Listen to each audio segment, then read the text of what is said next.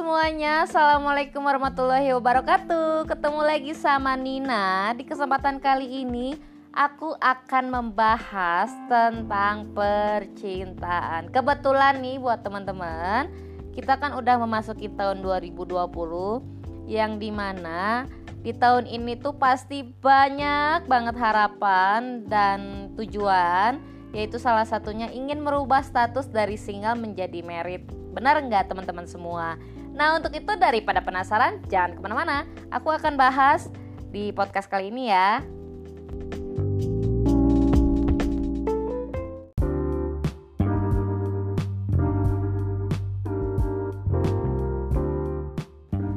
Baiklah teman-teman semua. Di podcast kali ini langsung aja kita bahas sesuai dengan tema Yaitu ganti status dari single menjadi merit Tetap dengerin terus podcast aku ya.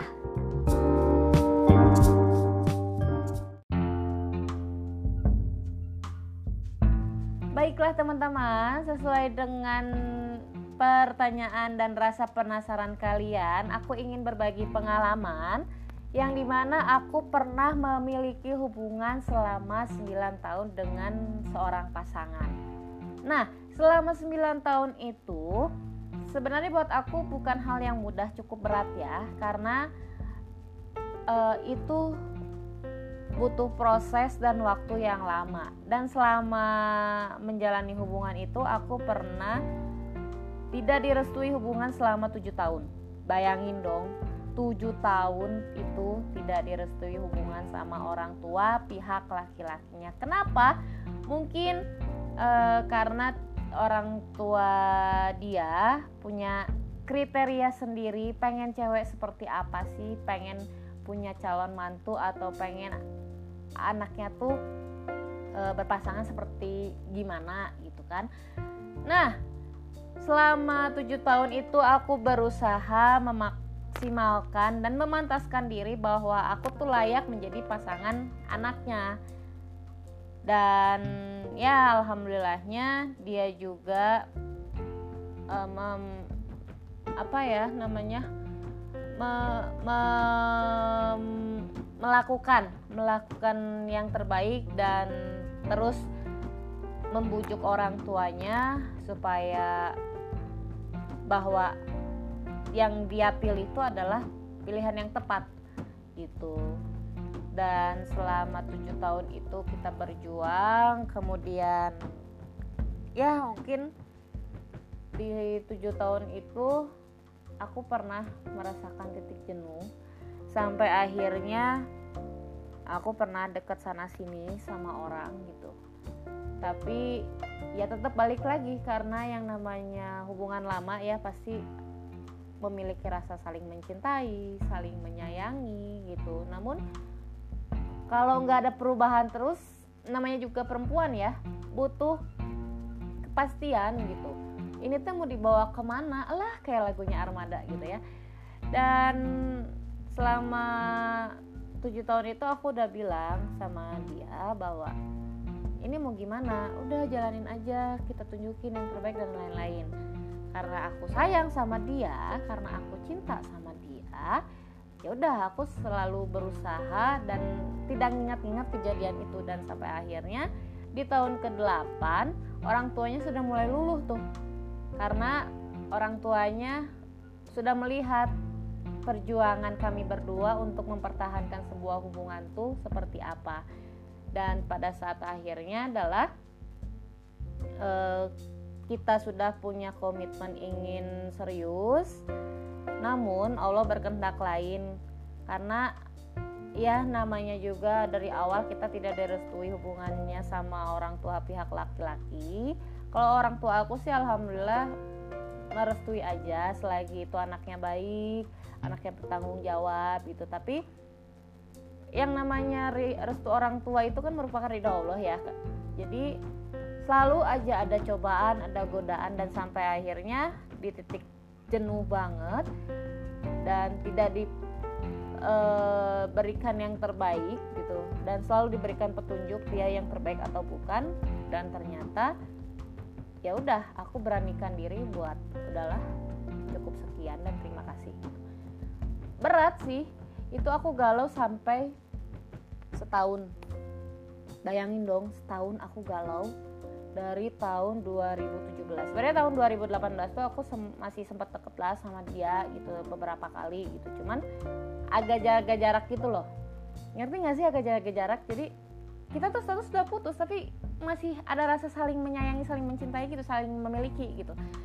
Nah selama setahun itu aku mencoba mencari kegiatan mencari sesuatu yang bisa melupakan uh, apa namanya kegalauan tersebut akhirnya uh, Allah memberikan petunjuk dan benar adanya ya entah dari akunya ataupun dari dianya ya sama-sama saling introspeksi juga sih. Dan kita juga saling memberikan pengertian kalau emang ini bukan jalannya dan kita harus seperti ini terus ya udah gitu.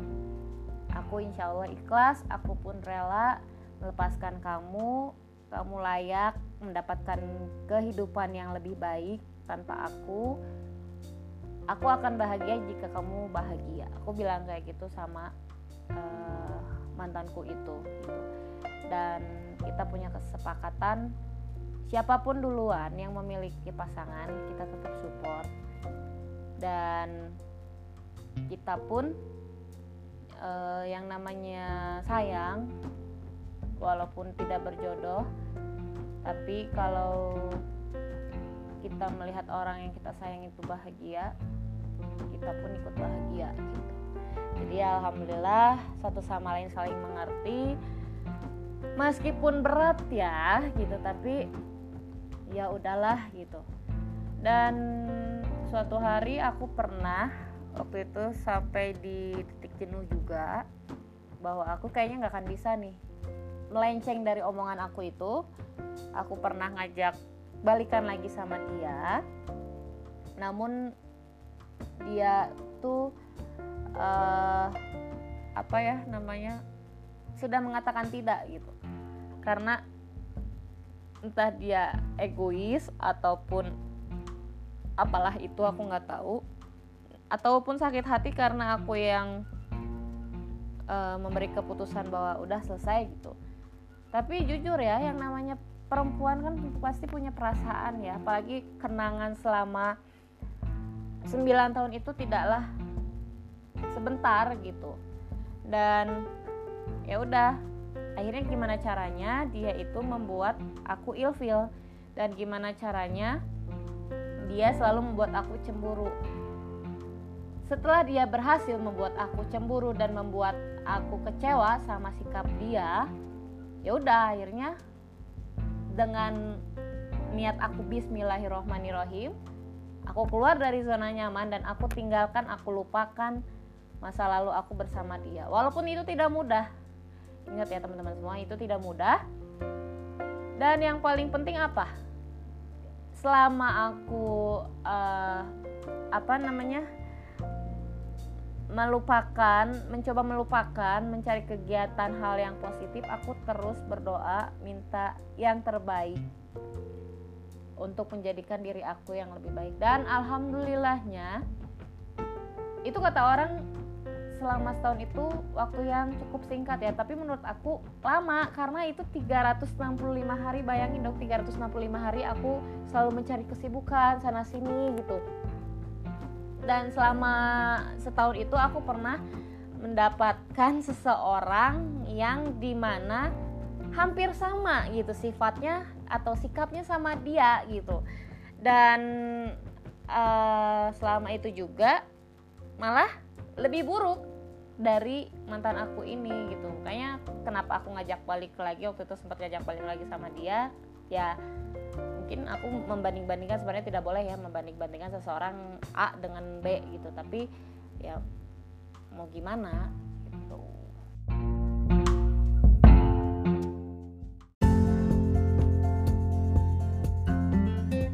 Setelah dia memberikan keputusan secara tegas bahwa dia nggak akan mau balik lagi sama aku. Akhirnya aku benar-benar berusaha melupakan semua kenangan selama 9 tahun itu.